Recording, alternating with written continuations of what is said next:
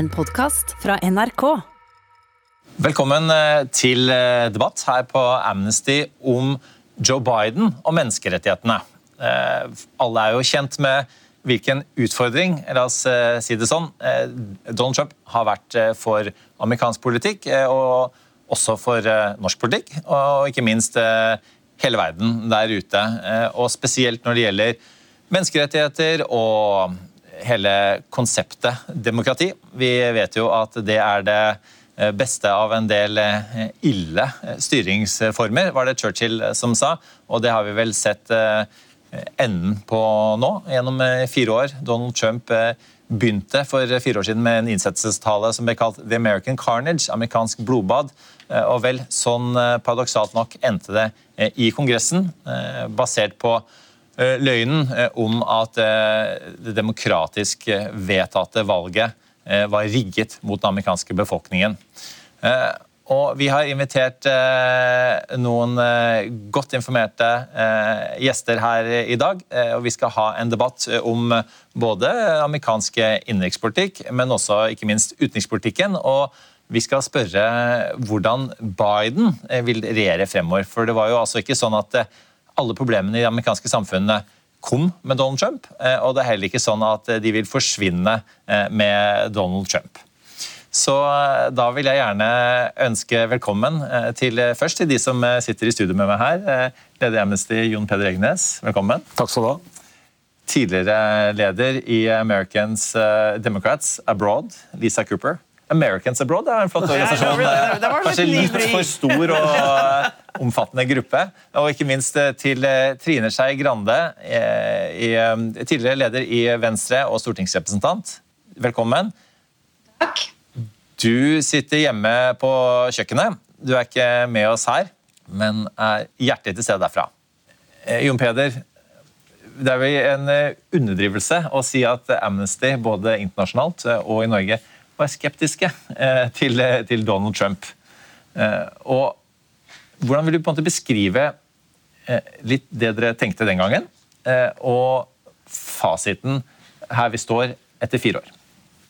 Ja, altså, Det er ikke noen tvil om at vi var skeptiske på bakgrunn av det Trump sto for før han ble valgt. og så altså, jeg vet ikke, jeg kan ikke svare for hele Amnesty, men la, la, meg svare for meg selv og litt sånn hvordan, hvordan vi diskuterte på, hos oss. Da. Så, så, tenkte vel kanskje vi som en del andre at når han blir president, så finnes det store apparater rundt ham. Liksom han går inn i, en tung, eller inn i tunge institusjoner og kommer nok til å bli eh, skal vi si, slipt litt på kantene, måtte trekke seg litt tilbake på, på en del av de mer ekstreme standpunktene fasiten fire år etterpå er vel at det overhodet ikke skjedde. At det kanskje er verre enn vi trodde.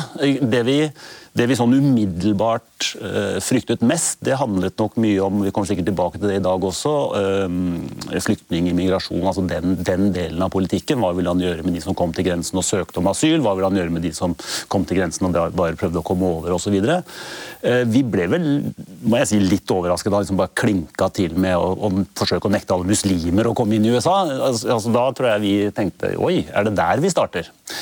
Men den kanskje største sånn i ettertid, der, der hvor han virkelig har tatt USA mer sånn overordnet i feil retning, og som kanskje ikke er så overraskende, men, men som i hvert fall er eh, fasiten nå, det er liksom ut av alt som handler om internasjonalt samarbeid, som jo liksom er grunnlaget for menneskerettigheter. Altså, når sist, Jeg må innrømme at jeg husker ikke hva ambassadøren til FN heter engang, altså den amerikanske.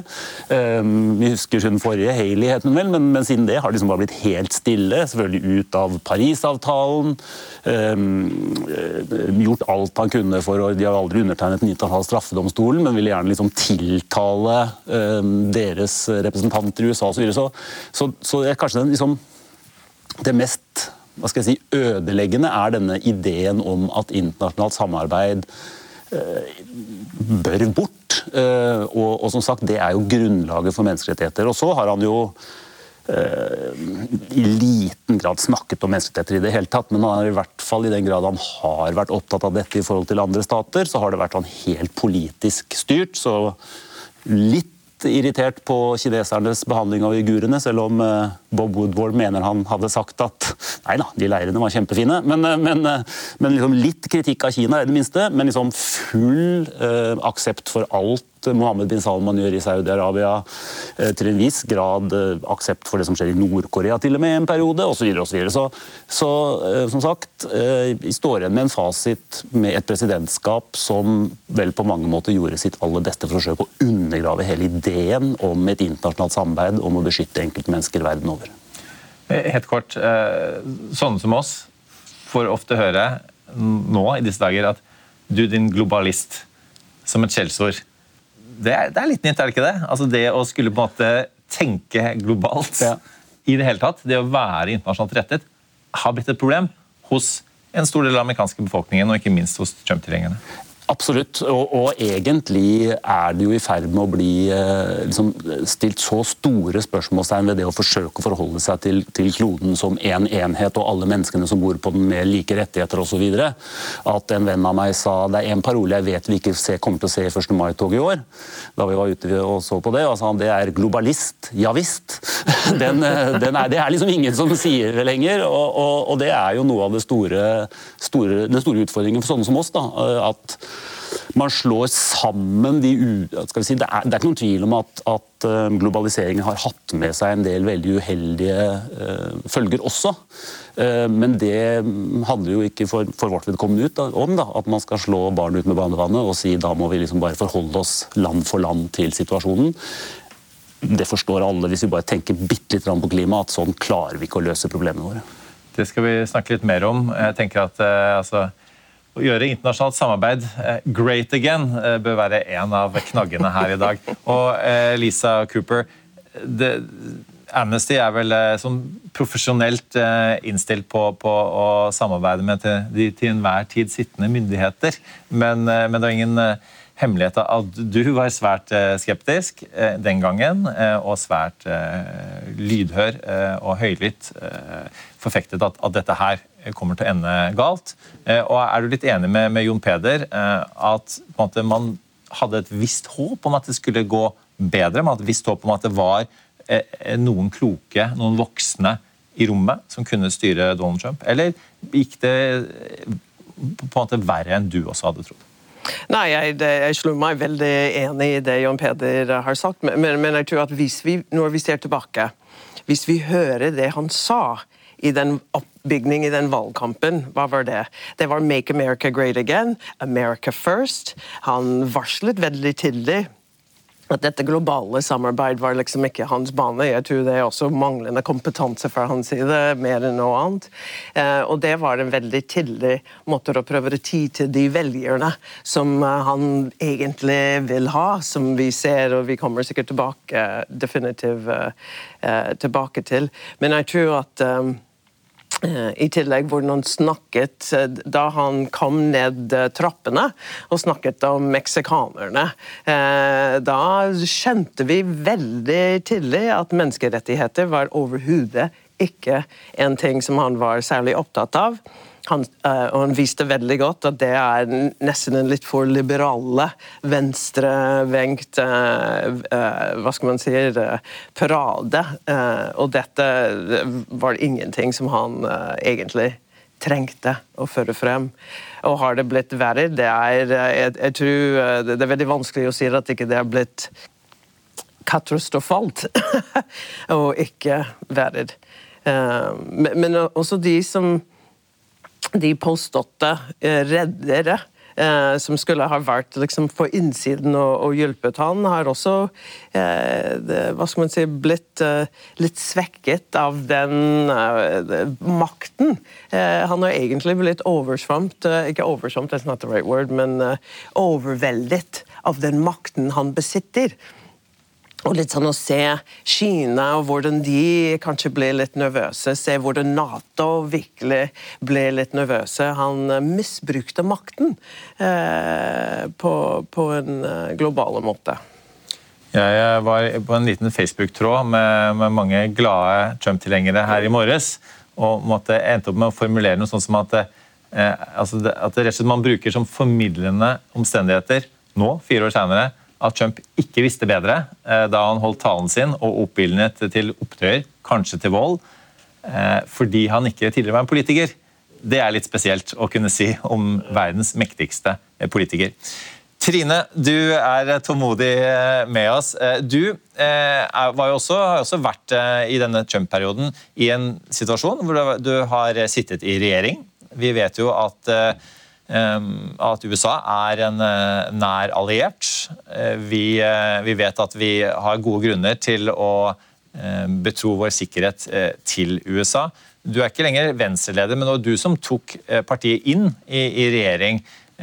Og så Du så har da på mange måter hatt et arbeidsforhold til USA under Donald Trump. Hvordan vil du beskrive rett og slett den, den situasjonen og skulle på en måte og formelt knytte norsk sikkerhet til USA som en del av regjeringen? Vi er jo veldig avhengig av USA. Altså, alle demokratier har behov for at eh, de sterke demokratiene står sammen. Og jeg mener kanskje at Den største utfordringa som Joe Biden har nå, er å fikse USA. Og Det vil bety noen ting for demokratier i hele verden. Eh, at USA begynner igjen å ha en rolle som, som et, et stort demokrati. Når, eh, når, Trump er valgt, så husker jeg jo alle sammen sa at eh, det er mulig han er ko-ko, men institusjonene i USA er så sterke at de klarer å holde også en ko-ko president eh, på plass. Og noe i ettertid, eller det, det, som vi kan si da når vi så storminga av Kongressen, er vel at jo da, institusjonene de gjorde det rette. De tror ikke på valgfuskanklagene.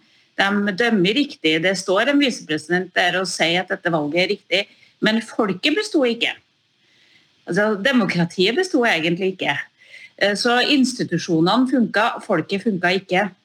Og Det er jo det som er den store utfordringa med å få USA til å funke igjen. er jo den enorme mistilliten som er både til system og mellom mennesker.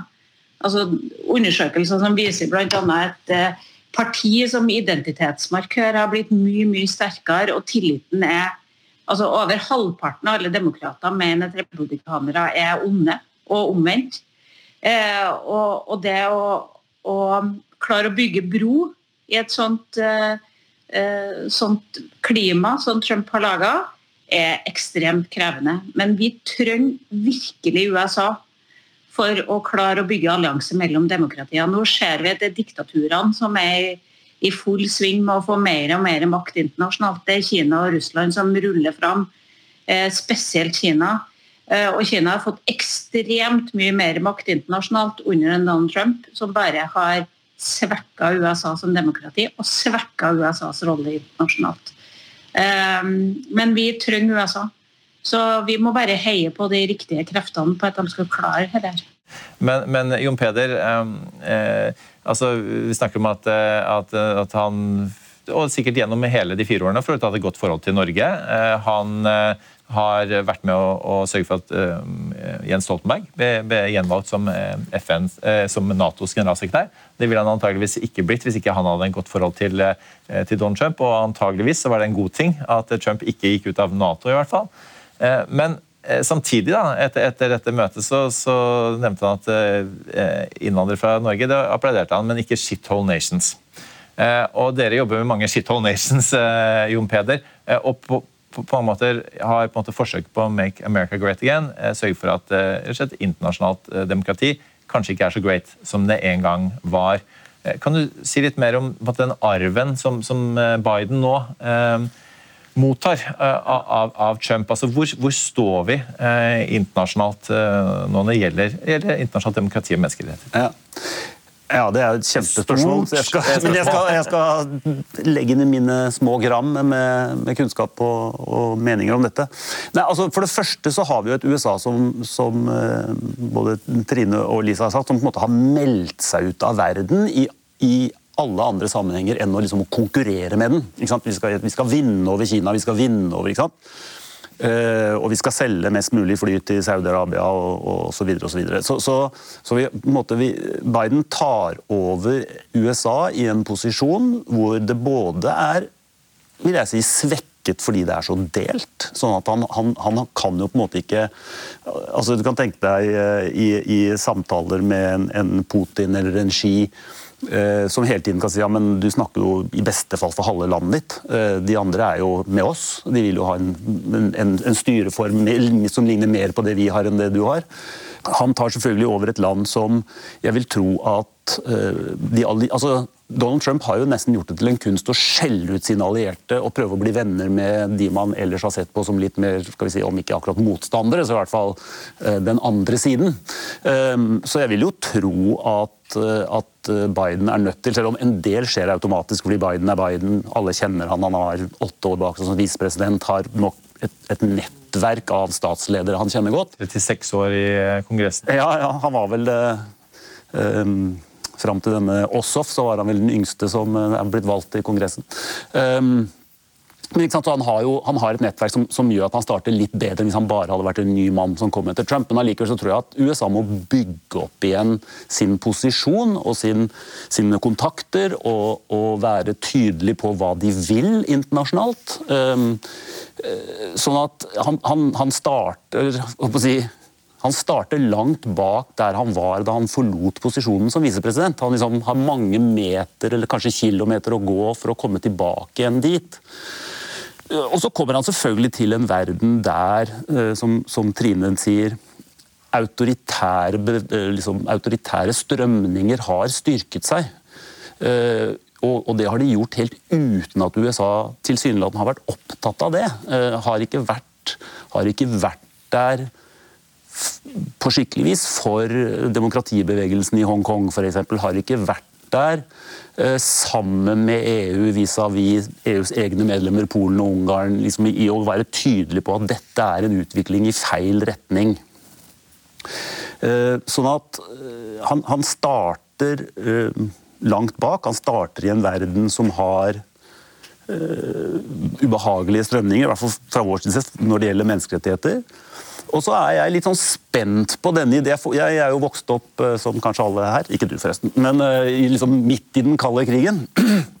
Og det, det, gir jo litt sånne assosiasjoner når vi snakker om nå skal vi bygge en allianse av de demokratiske statene som liksom skal, være, skal stå opp imot de ikke-demokrater. Liksom, hvem skal være med der? Skal, hvordan skal de gjøre det? Hvor går grensen? Hvem er demokratisk, hvem er ikke-demokratisk? Hva kommer de som føler de burde vært med, som ikke får være med til? og hvor som orienterer de seg umiddelbart til Kina og Russland? Altså, det er jo en litt sånn komplisert masse den der alliansen av demokratiske stater, føler jeg også. Så selv om jeg sånn umiddelbart liksom, Oi, spennende idé, liksom. Men så tenker jeg at den, den, den skaper noen problemer òg, da. Um, som jeg skal, er spent på hvordan de skal, hvordan de skal takle. Det er eh, jeg, må, jeg, har selvfølgelig, for å forberede dette programmet, eh, lest gjennom si, programmet til Joe Biden. Og det er jo ekstremt imponerende. Det er jo nesten liksom ønskelista til Amnesty pluss litt til, da, for det er en del områder vi ikke er så opptatt av. Så det er jo litt av en jobb han har satt seg fore, og han har enorme problemer nasjonalt, som alle vet, men også ganske lange lerreter å bleke internasjonalt. De beste intensjoner. Vi skal komme litt tilbake til om man faktisk klarer å gjennomføre det, og hva som skal til. Men, men Lisa, også, når vi er inne på det med, med arven eh, som, som, Biden går til, eh, og, og, hvor lett det er eh, å bare koble eh, USA på verden igjen. Eh, så Hvis vi går tilbake da, til, til en, en, politiker du er litt mer glad i, nemlig Barack Obama, eh, så arvet han etter Bush en, en, stor krig i Midtøsten, eh, og, som han fortsatt sliter med den dag i dag. Eh, men den norske Nobelkomiteen de hadde sett nok. Etter 20 dager i stolen og da nominasjonsprosessen gikk ut, så var han nominert og fikk etterpå Nobels fredspris. Egentlig bare for retorikken sin. Og Jon Peder snakker om gode, det gode programmet til Joe Biden vi er ikke der nå eh, at vi, forelsker oss så mye i, retorikken her at denne gangen så må Joe Biden jobbe litt hardere må han ikke det, for å på en måte reversere det som har skjedd gjennom fire år? Nei, herregud, absolutt. Men, men samtidig, jeg har litt mer tro på verden. På grunn av, jeg føler nesten at verden har eh, sett på USA som uh, fire år i en unntakstilstand. De venter for den restarten. De venter for at ja, nå kommer vi tilbake til diplomati. Nå kommer vi tilbake til eh, menneskerettigheter. På grunn av disse fire årene har vært eh, en enorm svekkelse, både innenriks og utenriks, og, og, hva skal man si eh, Bare snakke om hva er sannheten? Ja, så, så, jeg er ekstremt optimistisk og helt enig med Jon Peder. Jeg har selv studert, og her er det bare den liten oppgaven og det han skal gjøre for racial justice, for å reversere rasediskriminering og det forholdet der. Eh, det er utrolig mye som må gjøres. Og, og, egentlig, La oss gå tilbake til egentlig alt som ble sagt om Joe Biden. Han var for gammelt, og han eh, Ja, vi trenger noen nye krefter. Det er akkurat nå at vi trenger eh, den erfaring som Joe Biden hadde.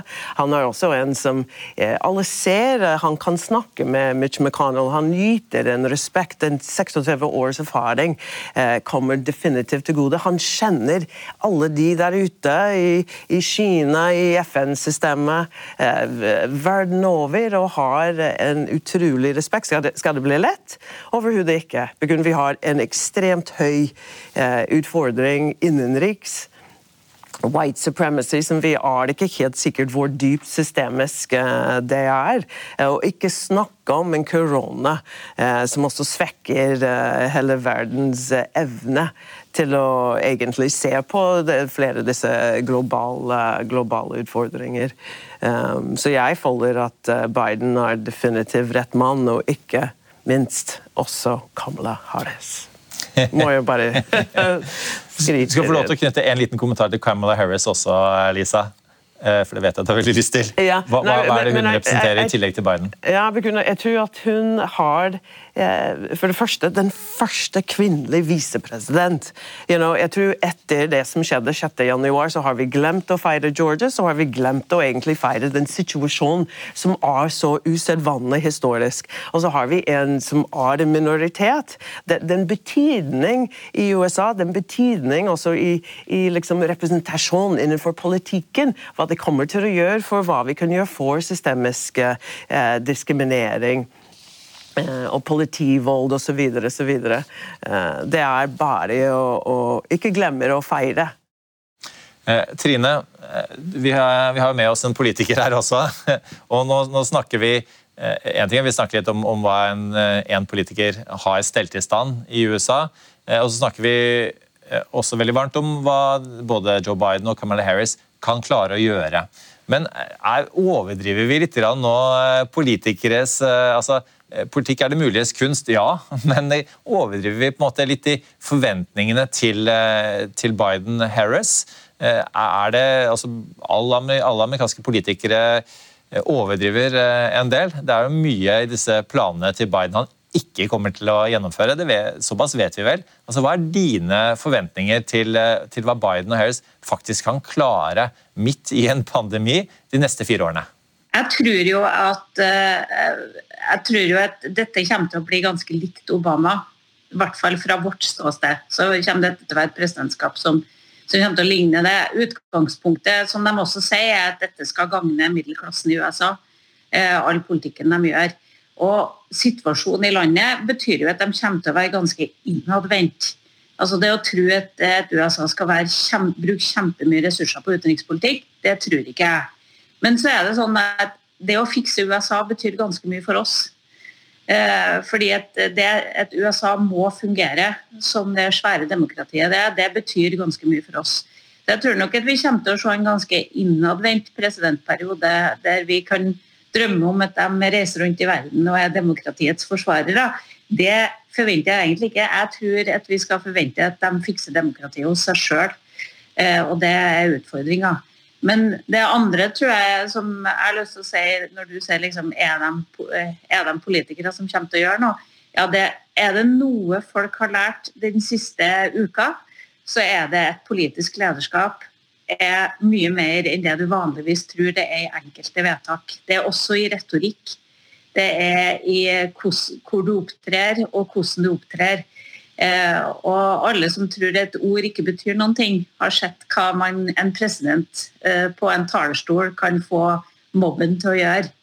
Eh, og, og, jeg tror at kanskje betyr det også at vi blir litt mer var på politisk retorikk, og hva politisk retorikk fører til. Eh, og det har vi i hvert fall fått et lite grunnkurs i den siste uka. Ja, fordi eh, Trine, man, man eh, sa jo i sin tid at eh, man skal ta Trump alvorlig, men ikke bokstavelig. Eh, og så ser vi nå i Kongressen eh, hva som skjer når hans tilhengere tar han bokstavelig. Eh, da, og, og, på at er, er, eh, Kan du si litt mer om det? På at, eh, igjen, hvordan man kan bruke, bruke politisk retorikk for å ja, Vi snakker om begreper som, som globalist osv. som måtte, nå, nå, er uglesett. Hvordan kan man måtte, eh, til og med bidra til å ja, skape en, en, ny og mer positiv verdi til demokratiske institusjoner med, med retorikken til Biden? Ja, for det, Man har jo ofte snakka negativt om politisk retorikk, og dette er bare retorikk. og Man sier bare selvfølgeligheter. Men av og til er det politikerne sin jobb å si noen selvfølgeligheter, fordi at de selvfølgelighetene må minnes på. Eh, og når du har da en president som eh, f.eks. rakker ned på media på den måten han har gjort i så mange taler, da ser du til slutt mobben som, eh, som raserer TV-kamera Eh, foran eh, Kongressen. Eh, når du har en president som snakker ned ulike grupper over tid, så får du til slutt mobben som gjør de ekstreme tingene de gjør. Og, det, og, og jeg må si at jeg har tenkt veldig mye fra Tyskland eh, på 30-tallet. Eh, både med fake news, anklagerkampanjer, Eh, og alt det som, som, bygger seg opp rundt det. Og så tenker man dette er bare en liten gruppe som tror på det, er ikke folk flest og sånn. Men, men eh, jeg må også si at jeg grubler mye på når vi ser de tallene til nedgangen i kunnskapen, samfunnskunnskapen. Eh, som du ser har skjedd i USA over så lang tid, og at så få mennesker vet hva Grunnloven er, hva ytringsfriheten er Eh, og at det er en kunnskap som har blitt nedgradert i det amerikanske skolesystemet over så lang tid. At det er litt det du ser følgene av. Og Det er da du får dem som i hvert fall jeg diskuterer med på sosiale medier, som har to hovedbegreper, nemlig at de ikke har gått på skole, de har gått livets harde skole, pluss alle de der som tenker sjøl, forutsatt at alle andre ikke tenker sjøl. Eh, og, og, det er litt den gruppa som da på en måte vinner når du over tid nedgraderer kunnskapen om samfunnet og demokratiet. Mm. Ja, Jon Peder, jeg, jeg høres ut som jeg diskuterte med noen av de samme som eh, Tina diskuterte med. Det har kanskje du og, og, og dine um, medlemmer i din organisasjon også gjort. Altså, dere er på en måte analytikere av det som skjer rundt, i, i, verden, og det er jo, er jo media også. Og noen må man jo stole på.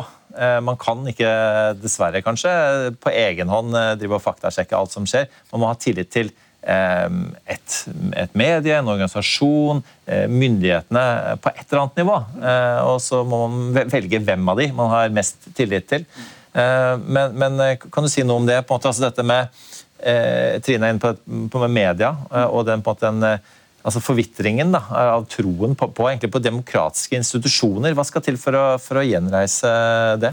Ja, det, det er jo altså noe av det som bekymrer meg eh, mye, eh, og som jeg håper at vi i Amnesty kan være en slags motvekt mot, det er jo denne ideen om at, at det finnes alternative fakta. Altså som Kellyanne Conway vel var den første som liksom, Nei, vi har alternative fakta. Eh, og det skremmer meg eh, selvfølgelig i forhold til det du ser i USA, det du så utenfor Kongressen, det du vet vokser og gror i USA. Men, vi, men jeg må innrømme at når jeg ser enkelte mulig jeg stigmatiserer noen nå, men som er skeptiske til vaksiner, og som går ned i de litt sånne kaninhullene kanin, de kaninhullene som de ja. bor i, så, så, ser jeg noe av det samme. Altså, det er noe med at sannheten det, det er som Trine sier, Jeg tenker selv i motsetning til deg, så jeg vet hva som er sant.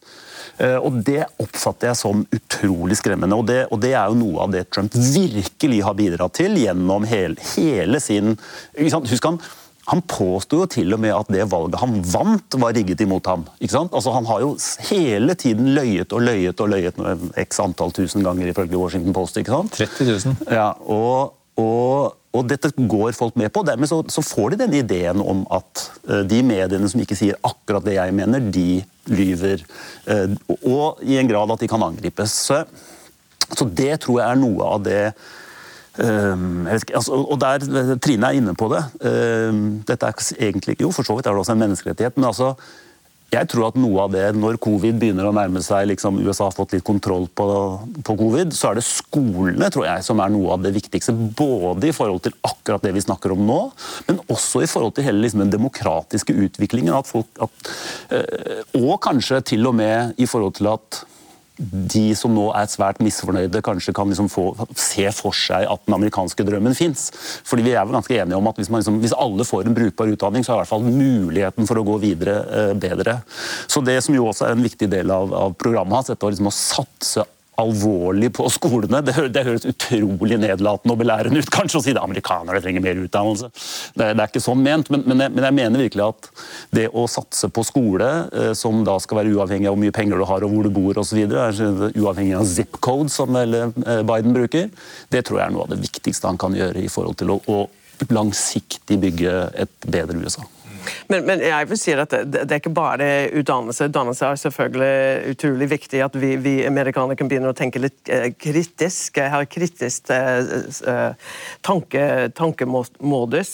På grunn av en ting som jeg er dritlei av å høre, er amerikanere som egentlig ikke forstår hva sosialisme er. You know, det er en fare. Men, men, men tilbake til fakta. Ja, her tror jeg litt av ansvaret også går på disse politiske partier. På grunn, hvor startet dette? Dette startet med birtherism.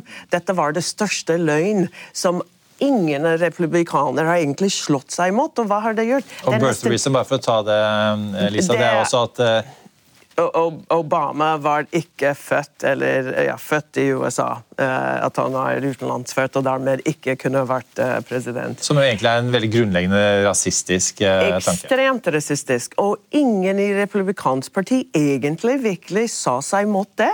De var litt fascinert. De, liksom, de skyvet det litt bort.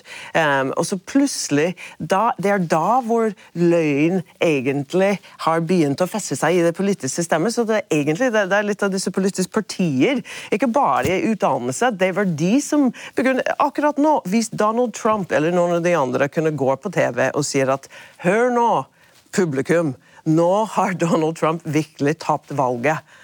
Hør på meg, tro på meg, dette er sant. Da hadde vi, da hadde vi vært i en helt annet sted. Så det, det, det, handler litt om politikkene. Det handler også litt om mediene. At de tar dem ut og spør og spør og spør og gransker og gransker og gransker.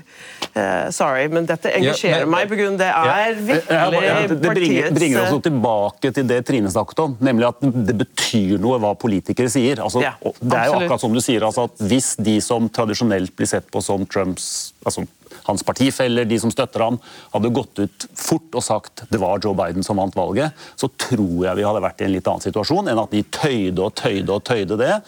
Eh, og nå ser vi jo, eh, vi må jo si heldigvis, at de liksom trekker seg. Så, det, og, det, og, dette er jo viktig i Norge og, og Trine. ikke sant? Altså, jeg har alltid blitt så utrolig fascinert av hvordan eh, ordet fremmedkulturell i Norge gikk fra å være noe noen få mennesker brukte, om egentlig for å stigmatisere folk som kom fra utenfor Europa. Og nå er blitt noe alle mediene Alle bruker ordet fremmedkulturell. Uh, islamisering, snikislamisering altså, Så det er, dette med hva folk sier, er viktig. Og det er viktig i Norge også, så får jeg sneket inn det.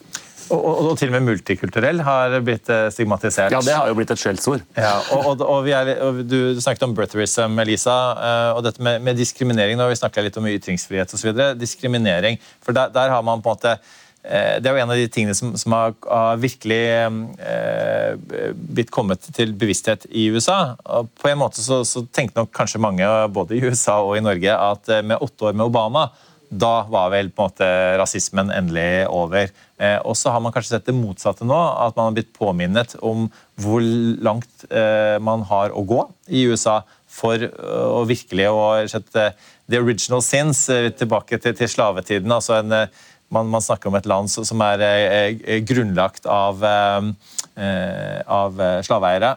Eh, vi snakker om en borgerkrig som skjedde pga. retten til slaver. Hvite hus ble bygd av slaver. Dette er også en av de mange tingene Joe Biden har på blokka. Og hva, hva tenker du om det, Lisa? Altså, hvor stor forventning kan vi ha til at USA faktisk klarer å gjøre noe med, med all diskrimineringen i samfunnet? Jeg, jeg, jeg, tror vi, vi, kan og må ha en stor forventning til, til, til Biden. Men, men, men oss, mange ganger når jeg blir stilt det spørsmål når, når Obama var, var, i makt, hvorfor har han ikke gjort mer, særlig etter alle politivold? Og det, er liksom, det, det er mange ting man kan gjøre systemisk.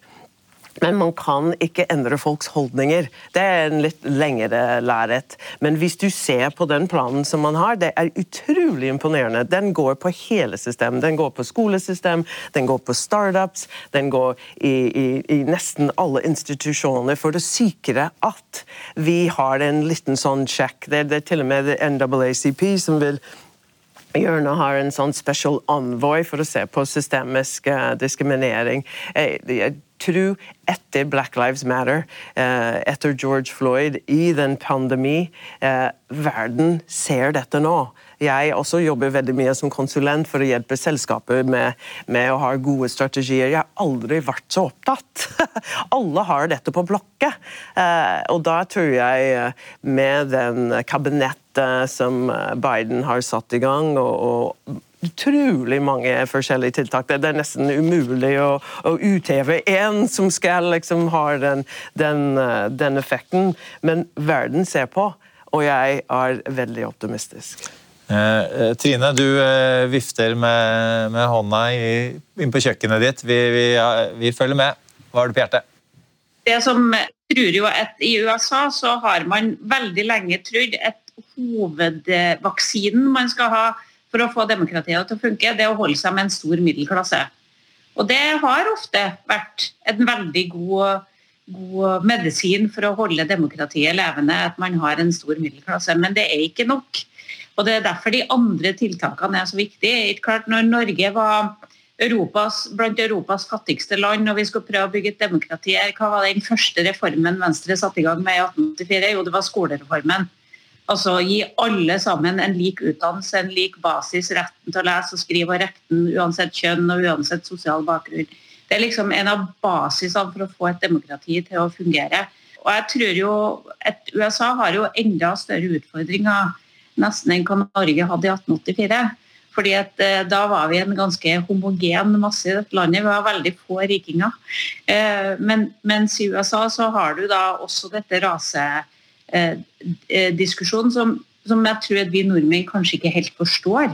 Du må liksom leve i det og bo i det for å forstå hvor historisk betinga det er, og hvor grunnleggende det er. I, I, Norge har vi også rasisme.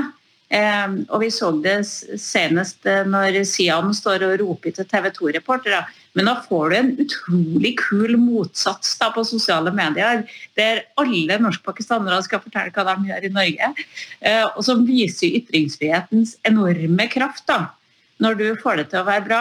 Men, men det er jo bare det å ha Sian stående og rope foran Stortinget, er jo bare en krusning mot det som mange føler i det amerikanske samfunnet. Og det å hele de tingene der, det gjør du ikke bare med å holde deg med en middelklasse det gjør du med ganske fundamentale ting i å bygge borgere for å få demokratiet til å fungere.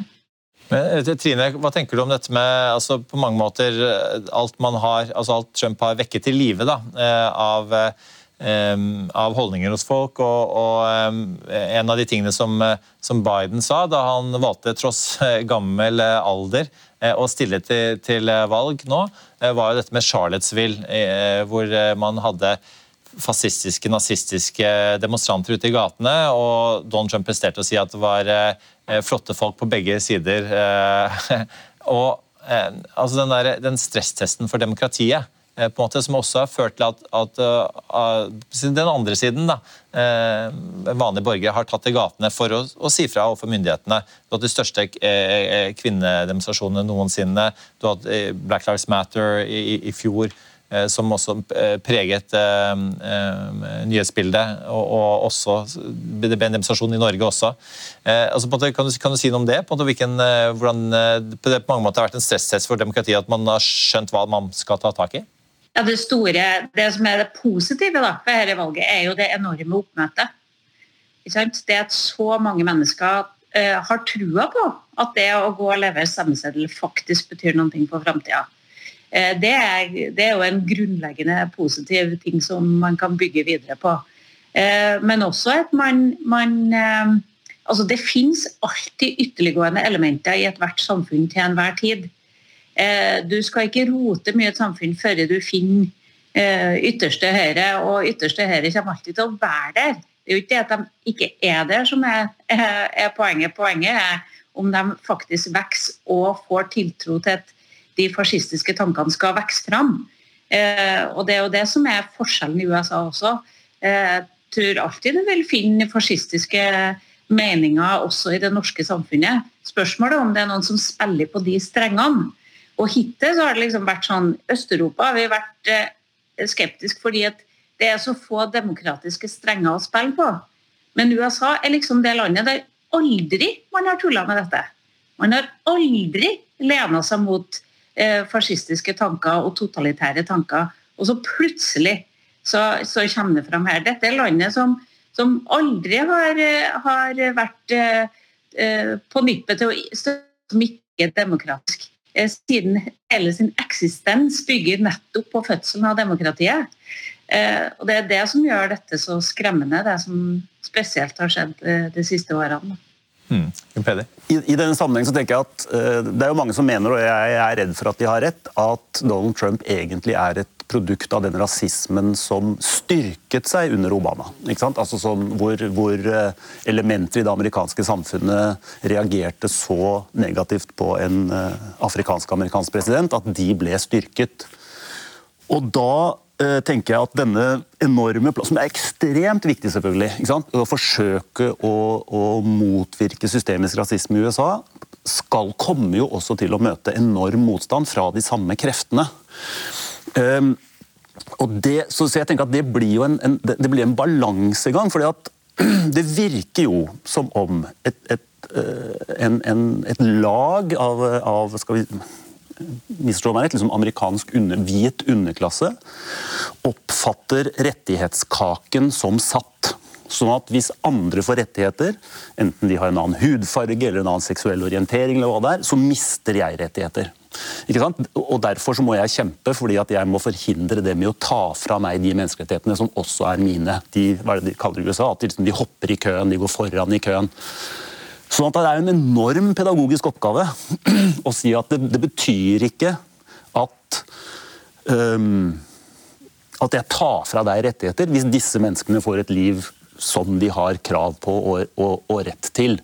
Eh, sånn at jeg tror jo også at det kommer til å gå igjen en periode hvor dette blir liksom en, en, en, en stor altså Det kan bli mer kamp. da. Uh, forhåpentligvis ikke bokstavelig talt kamp, men, men, i hvert fall en, ganske heftig politisk kamp. å vinne over. Og da tror jeg, og det har Piketty av alle vært ute og skrevet om nå, altså da må de menneskene som opplever at de mister hvis andre får, må få lov til å oppleve at de også får. Og Det tror jeg handler om økonomiske eh, tiltak. da.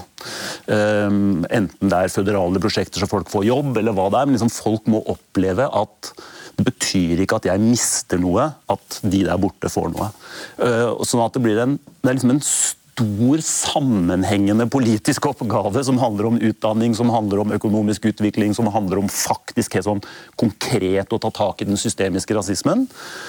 Uh, og alt dette handler jo om nettopp rettigheter. ikke sant? Altså Om menneskerettigheter som amerikanere kanskje egentlig opplever at de altså, Litt sånn som nordmenn. Jo, men det har jo vi. Det er jo de som har det. Det er jo de andre som ikke har det. Men, men hvor samfunnet faktisk er så delt. Det er så stor forskjell på fattig og rik. Det er så mange som lever i en, en, en situasjon hvor de opplever systemisk rasisme, at, at, rettigheter faktisk ikke gjelder for dem på samme måte. Ja, og, Lisa, eh, eh, altså man, man, snakker noen ganger om at eh, det, måte, det var ikke Trump som skapte kaoset, det var kaoset som skapte Trump. Eh, og så har Trump skapt en del kaos, han også. men, men, men, eh, hvis vi tar tak i det, det Jon Peder sier nå det, altså rett og slett, eh, Begrepet menneskerettigheter, hvordan man definerer det, og hvordan man sørger for at alle føler seg inkludert i det, og at de som, som får, ikke går på, på, bekostning av andre. Og Der er vi litt på, på Black Lives Matter. er vi ikke det? Altså man, man, man, sier jo Black Lives Matter. Det, altså det betyr noe. Betyr ikke at det betyr mer enn andre, men det betyr noe. Men så sitter altså noen med følelse og, ganske berettiget mange også, at, men de har det ikke så bra. De har, har ikke eh, råd til verken eh, å, å, kjøpe, dessverre, eh, det privilegiet der, og ikke den menneskerettigheten i USA med helse og, og høyere utdanning. Det, hva med de? Eh, hvordan, hvordan, klarer man på en måte også eh, hvis du ja, ta menneskerettighetsbegrepet rett og slett, og gjøre det forståelig og operativt for amerikanere? Ja, nei, jeg, jeg, tror det er flere ting som skjer her. Én ting er den demografiske utviklingen i USA, hvor minoritetene blir flertall over uh, ble flertall fremover, og det begynner å bli sinnlig.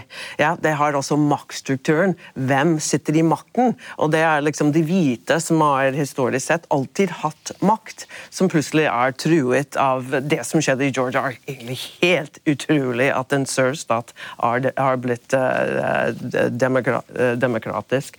Um, uh, menneskerettigheter og, og Black Lives Matter tror jeg handler også og, bistår og hjelper eh, majoriteten og ser den systemet 400 år etter slavetiden, så ser hva som skjer daglig med det svarte befolkning. Jo, det er flere andre som uh, sliter, som, you know, men halleluja, kan ikke vi bare ha fokus på det som alle vet er utrolig systemisk?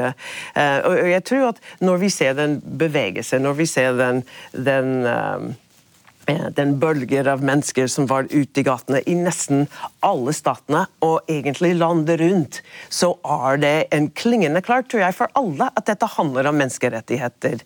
Ja? Og egentlig ikke bare for svarte mennesker, men for alle. Så jeg, jeg at eh, Black Lives Matter, selv om det, det står Black Lives Matter, så har det hatt uh, egentlig ringvinkling uh, for andre minoriteter og, og utsatte grupper. Vi må snakke litt om eh, asyl. Eh, fordi eh, både Amnesty, Jon Peder, og, og, og Venstre, Trine Skei Grande Dette er jo ting man er opptatt av når det gjelder USA. Man har vært kritiske før, også da Obama var president. Og man vil være kritiske igjen. Jeg vil jo tro at Det er noe av det første som kommer til å, til å bli reist kritiske spørsmål til i, i Amnesty-rapporter fremover. Og begynne med deg, eh, Trine. Eh, hvordan, hvordan ser du eh, dette med, med eh, retten til å søke asyl og beskyttelse eh, i USA? Eh, hvordan, hvordan vil det bli fremover? Nå har det jo vært så ekstremt dårlig under det kommer nok til å bli bedre. Men jeg, tror, jeg, har ingen forventning om at Biden kommer til å være en liberaler på dette området. Jeg tror nok kanskje at vi eh, det, er det moderate som har vært egentlig hans suksess. Jeg tror kanskje det er det vi kommer til å se på asylfeltet også. Eh, en moderat eh, politiker. Men, men, at det blir en forbedring i forhold til både retorikk, men også forsøk på å endre politikk som vi så fra Trump, det tror jeg vi kommer til å, å se bedre av. Og det er en forutsetning for å realisere demokrati, nemlig at man, eh, man faktisk gir individuell vurdering av mennesker. Eh, det er en viktig del av demokratiets tankegang som man ser utfolde seg også i asylpolitikken i et land. Men med dagens reiserestriksjoner ved covid, så, ja, så forsvinner asylpolitikken litt inn i det. Men eh, Trine, altså sentrumspolitikere, som jo du og Biden er, da, begge to, skal vi si det sånn. Eh, dere blir noen gang kritisert for å på en måte ikke ta standpunkt, bare finne pragmatiske mellomløsninger. Men, men, men, akkurat dette spørsmålet her er veldig viktig å forfekte noen prinsipper eh, ganske tydelig, er det ikke det? Det viktigste prinsippet, som er basis for alt, er jo den individuelle vurderinga. At du ikke vurderer folk som eh, grupper, men som faktisk enkeltmennesker. Og Det er en viktig basis for enhver asylpolitikk, mener jeg. da fordi at det tar utgangspunkt i demokratiets grunnleggende tankegang, nemlig at vi er borgere og individer, eh, ikke grupperinger. Eh, og det, så det, det, viser jo da Det består jo ikke syretesten da når du sier at ingen muslimer skal få komme inn, f.eks. Eh, så, så er det liksom brudd på første syretest. Eh, men, eh, men det, å, det å ha regulering av grenser, det, det at grenseposter faktisk reguleres, det mener jeg er viktig for oss å beholde eh, et demokrati i balanse. Da. Eh, og vi ser jo hvor lett det er å rokke eh, alle demokratier hvis du ikke har kontroll på grensa og ikke har kontroll på hvilke borgere som hører til et land. Jon Peder, Trine nevnte i stad at, at, USA på mange måter har vært et forbilde f.eks. For under andre verdenskrig med, med, å ikke gå i totalitær retning. Eh, men de har også vært et forbilde når det gjelder eh, innvandrere. og på mange måter blir kalt innvandreres eh, supermakt. Men det også har vi sett endret, endret seg nå. Hvilken tro har du på, Biden når det gjelder asyl- og innvandringspolitikken? Ja, hvis vi skal tro på det han sier i programmet sitt, så kommer han til å starte på et mer liberalt sted enn han sluttet som visepresident. Altså fordi vi vet jo at også Obamas administrasjon ble jo presset kanskje av omstendighetene til å bli ganske brutal på slutten. Jeg eksempel, var eh, på grensen mellom eh, ja, to steder, mellom USA og Mexico. Jeg hjalp tre eh, homofile gutter til å få lov til å søke asyl. Og det de var på vei til da, det var rett inn i opptil ti dager i var det ti grader, eh, som Obama innførte. De kalte det fryseboksen. så det vi gjorde var at De ga dem masse ulltøy som de skulle ha med seg, fordi at dette skulle visstnok bekjempe sykdom. Um, men, men, eh, men, Biden har jo sagt at han skal gjøre en del ting umiddelbart. Han skal for det første la folk få lov til å søke om asyl på grensen. Han skal ta bort disse som jeg også så, disse listene folk må sette seg opp, så kan, i dag kan fem komme og søke. at Folk skal bare kunne komme opp til grensen og søke om asyl. og Så skal de få en vurdering, og så skal de jo sendes hjem hvis de ikke, ikke trenger asyl. Han skal også, som han jo ledet under Obama, eh, sette et hjelpeprogram for disse såkalte Nordtrianglene, altså Honduras, El Salvador og, og, og Guatemala, som han i hvert fall påstår. Um, var i ferd med å liksom begynne å virke da, da de tapte valget. Som jo er også viktig ikke sant? å se dette i sammenheng. Han skal øke antallet flyktninger de skal Eh, ta fra FN-systemet. Fra 18 000 er vel det grensen eh, Trump satte, og han skal over 100 000 igjen, tror jeg. 125 ja. fra 15. Sånn at, sånn at, vi ser allerede at, at, han, at han, har signalisert veldig tydelig da, at her skal, her skal, det gjøres noe annet. Og han har vel også, han skal innføre dette at vi er liksom en, en, en land av innvandrere igjen i, i eller annen, ut, ut, et eller annet statement.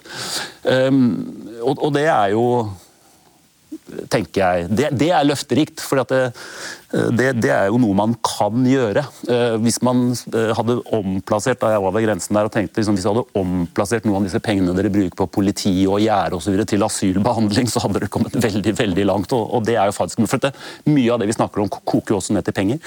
Eh, men her tror jeg det er penger, faktisk. Vi har noen få minutter igjen. og nå, nå, kjenner jeg litt at jeg er tilbake i UD og i møte med amerikanske diplomater. hvor vi selvfølgelig alltid må nevne dødsstraff. Eh, og så Noen ganger var det sånn at vi vi huske å, å, å, si dødsstraff sånn helt på slutten. Og så må vi si at det, det, har vi dessverre ikke tid til å snakke mer om, men ikke glem at vi er imot dødsstraff. Det er det jeg alltid har mistenkt. ja.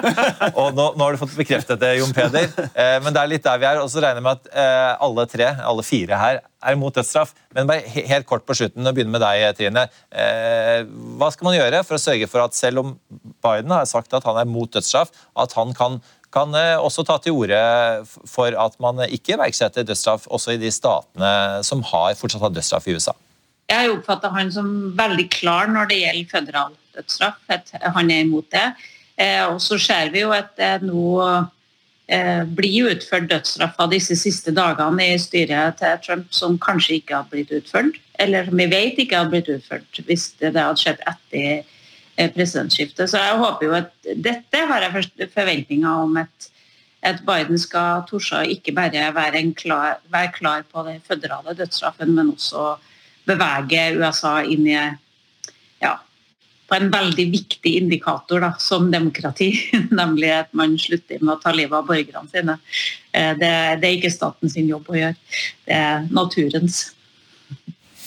Eh, Jon Peder, eh, en ekstra trist sorti eh, for Trumps presidentskap er altså han benåder masse mennesker og tar livet av masse mennesker. Det, det, det en, ender dårlig. Ja, altså det, og det er nesten helt uforståelig. Altså, sånn, jeg, jeg, skjønner ikke hva, liksom, hvorfor han har satt opp dette voldsomme tempoet med, med, å drepe folk. Uh, Eh, fordi, fordi har, jeg, jeg, skjønner ikke helt hva han vinner på det politisk. for Jeg kan, jeg kan ikke tro at det er liksom en person Å, så deilig. så liksom, nå får vi drept disse menneskene. Det må jo være en politisk kalkulasjon. Men, men for å gå til det hyggelige, så er det jo, det er jo nesten en revolusjon at vi har en president, nå valgt president, men vi hadde en presidentkandidat som gikk ut og sa 'jeg er dødsstraffmotstander'. Den siste som gjorde det, var eh, George Dukakis, og han tapte delvis valget pga. det. Eh, og det har jo vært, liksom, Vi har jo mistenkt at både Bill Clinton og Barack Obama kanskje personlig var dødsstraffmotstandere, men det turte de ikke av frykt for at de ikke kunne bli valgt. Så det i seg selv er fantastisk, og det sier noe om utviklingen i USA.